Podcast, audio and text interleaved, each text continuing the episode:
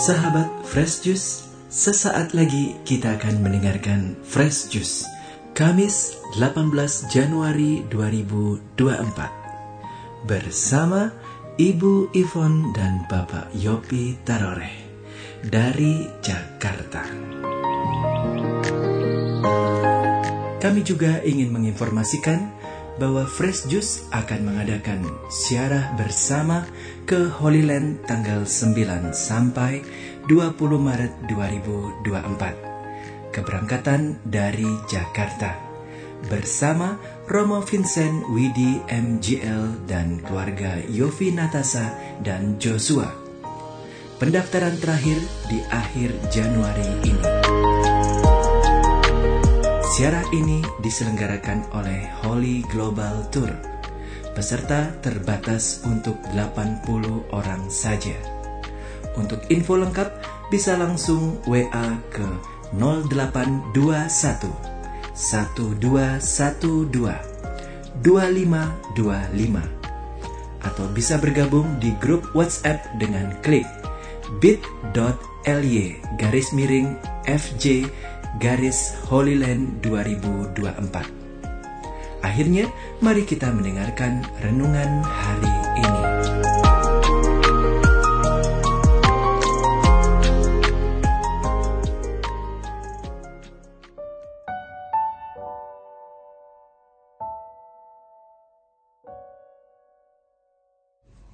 Shalom Sahabat-sahabat pencinta Fresh Juice di mana pun Anda berada Bersyukur hari ini kita akan lanjut lagi Bagaimana di tahun yang baru ini kita mendapat berkat yang baru Penuh semangat Kita buka dengan doa Dalam nama Bapa dan Putra dan Roh Kudus, amin. Bapak Surgawi yang penuh kasih, terima kasih atas penyertaanmu sepanjang tahun 2023, di mana kami boleh merasakan dan melihat kasih setiamu yang tidak berkesudahan dalam hidup kami. Saat ini kami memasuki tahun 2024, kami percaya engkau memegang tangan kami dan engkau mau memakai kami lebih indah lagi supaya namamu ditinggikan, diagungkan dalam seluruh kehidupan kami. Berbicaralah pada kami lewat firman pada hari ini. Terima kasih Tuhan, kami serahkan semuanya hanya ke dalam tangan kasih-Mu. Amin. Pembacaan diambil dari Markus 3 ayat 7 sampai 12. Yesus menyembuhkan banyak orang.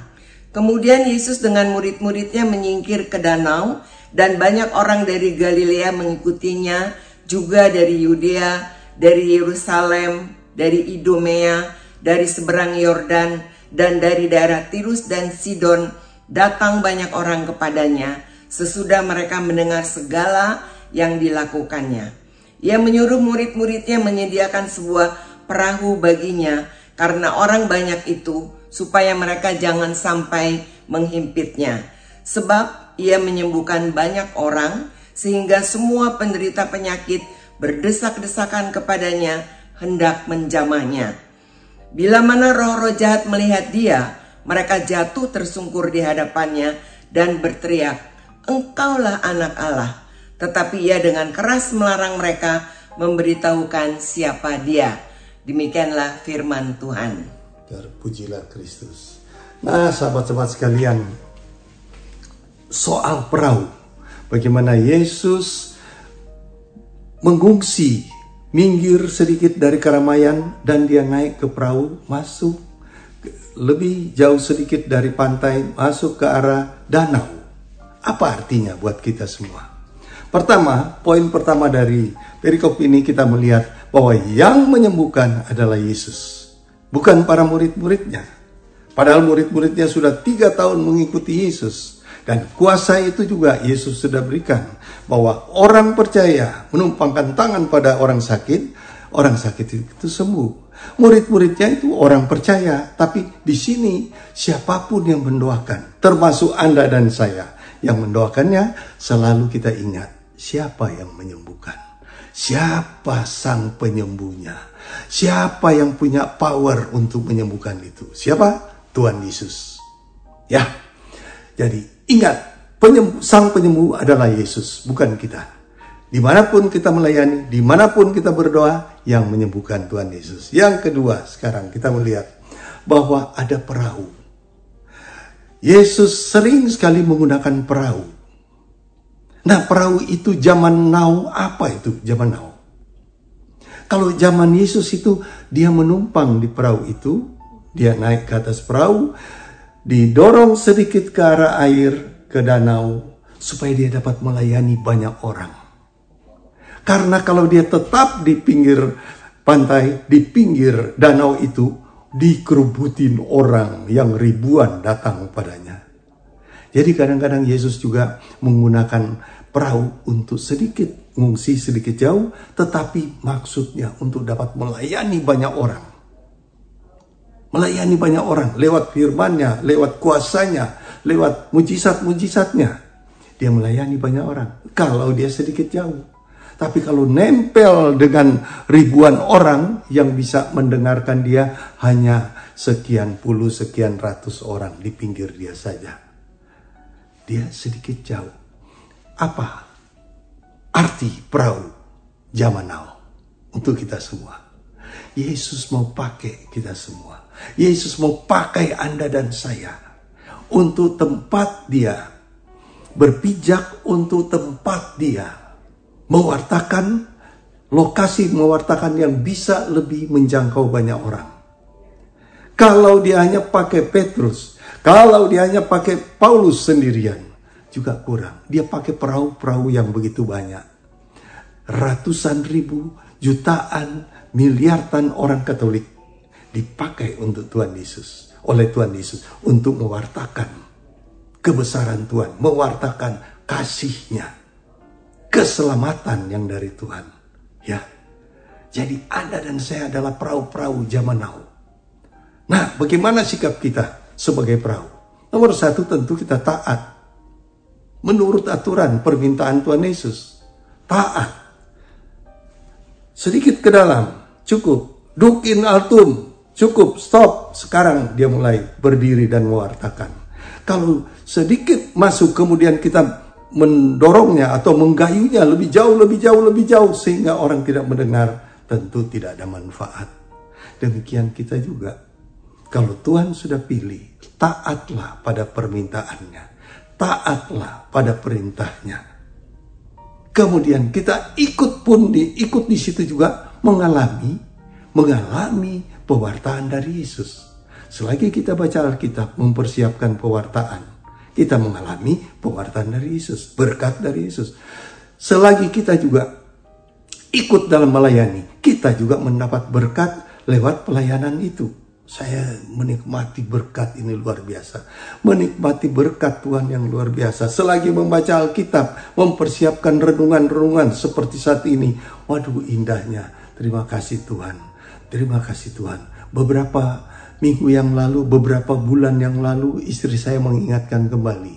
Seumur kami ini, seumur saya dan istri saya ini, Tuhan masih mau makai, sudah bersyukur. Karena kami sedang mengalami bonus dari Tuhan. Apa itu bonus? Umur kami 70 plus di atas 70. Kami sedang mengalami bonus kehidupan dari Tuhan. Selagi mengalami bonus ini, istri saya ngobrol dengan Tuhan, istri saya berbicara dalam hati dengan Tuhan, dan Tuhan mendorong lebih banyak lagi. Duk in altum. Apa itu untuk kami berdua? Perahu kami didorong sedikit lebih ke dalam, yaitu apa? Melayani bukan hanya berbicara, bukan hanya berkhotbah, bukan hanya mendoakan orang saja, tapi bagaimana bidang sosial, segi sosial juga mulai kami perdalam perdalam lagi di segi sosial. Segi sosial apa? Tuhan berikan pada kami ya. Nah, kebetulan saya percaya dia sudah rencanakan bagaimana yaitu untuk orang kelaparan. Suatu saat ya bulan yang lalu, belum sampai sebulan yang lalu kami ada kepelayanan sedikit, pelayanan kecil-kecil saja di Pulau Sumba. Kami berangkat ke sana eh, dua hari lagi sebelum berangkat ditelepon oleh Bapak Uskup Monsinyur Edmund Woga CSSR. Dia telepon, Bapak Yopi, di sana panggilnya Bapak, bukan Pak. Bapak Yopi, Bapak mau datang uh, ke sini kah? Oh betul, betul Monsinyur. Ya, ada sedikit pelayanan di Puspas. untuk pembina-pembina umat. Ya, saya sudah dengar. Uh, Bapak tahu bahwa kami di sini daerah-daerah tertentu itu mereka sedang paceklik. Kenapa? Ini panas seperti ini sehingga panenan gagal semua. Dengan panas demikian mereka mencari umbi di hutan. Monsinyur, mereka cari ubi atau umbi. Umbi, kalau umbi mereka tanam dan itu gagal juga, kurang bagus. Tapi ini umbi di hutan. Berarti mereka cari makan di hutan karena begitu sulitnya, ah, boleh dikatakan kekurangan pangan di daerah mereka. Tergeraklah hati. Roh Kudus mengingatkan, segi sosial, segi sosial. Baik Monsinyur saya bilang, baik Monsinyur, tutup telepon saya berdoa, istri saya berdoa, mau diapakan tinggal dua hari berangkat ini. Dan mungkin satu dua dari pendengar Anda yang sedang mendengarkan ini, Anda sudah mendengar kami membuka uh, bungkus-bungkusan yang berisi mie instan dan beras sehingga kami uh, siapkan untuk membagikan. Tetapi dari mana uang? Karena kami ini bukan orang kaya berlimpah-limpah, kami selalu cukup. Tuhan selalu cukupkan. Selalu Tuhan cukupkan. Sesuai Matius 6 itu selalu Tuhan cukupkan. Karena Tuhan cukupkan, kami teringat segi sosial. Nah, orang yang sedang paceklik, orang yang sedang kekurangan makanan. Bagaimana ini? Dua hari lagi mau berangkat saya minta hikmat dari Tuhan. Tuhan, ingatkan, buat saja bungkus-bungkusan untuk itu. Dan angkanya diingatkan lagi sama Tuhan. Ingat bata. Ingat sepatu bata kalau jualan kan ada angka 9 di belakangnya. Jadi maksudnya tidak kelihatan besar. Wah, saya bilang, oke okay, pakai cara itu. Dibuat 90 ribu satu bungkus, 5 kilo beras dan mie instan sudah saya mulai posting. Siapa yang siapa yang ingin membantu di sana uh, sedang paceklik begini begitu, nah boleh menyumbang 90 ribu rupiah bagi Anda yang tergerak dan saya pakai huruf besar yang percaya pada kami. Berangkat dan akan membagikan kami sendiri. Ya, 90 ribu rupiah per bungkus untuk per kakak. Paling kurang mereka beberapa hari bisa bisa makan dengan beras itu sambil mereka mencari umbi dan sebagainya. Anda tahu, begitu satu hari saya lihat wah, sudah 400 bungkus yang ada. Puji Tuhan. Saya telepon teman di sana di daerah Waingapu, dari Waingapu akan berangkat dengan truk untuk bawa. Saya telepon 400. Dia bilang, "Pak, 400 ini sudah banyak loh, Pak." Iya, syukur.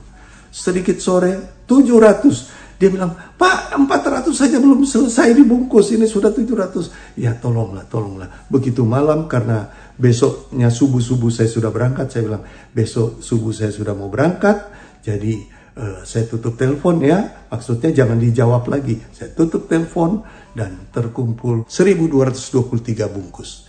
Puji nama Tuhan, 1223 kepala keluarga terberkati.